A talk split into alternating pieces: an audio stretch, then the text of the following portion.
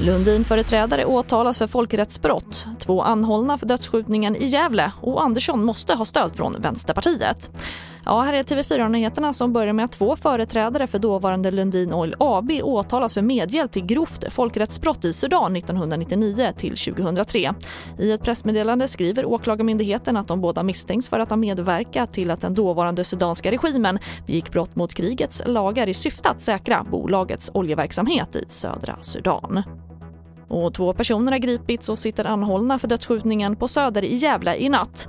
Personerna greps under natten och polisen utreder händelsen som mord. I övrigt är de väldigt förtegna kring händelsen. Och personen som avlidit är sedan tidigare känd hos polisen.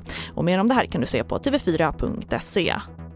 Och så det senaste om migrantkrisen vid gränsen mellan Belarus och Polen. Tusentals migranter är fortfarande kvar där för att försöka ta sig in i EU samtidigt som 15 000 polska soldater bevakar gränsen och läget blir allt svårare för migranterna. Och så här sa utrikesminister Ann Linde i Nyhetsmorgon i morse. Vi kommer nu på måndag att träffas alla EUs utrikesministrar i Bryssel för att besluta om ytterligare sanktioner med anledning av just det här.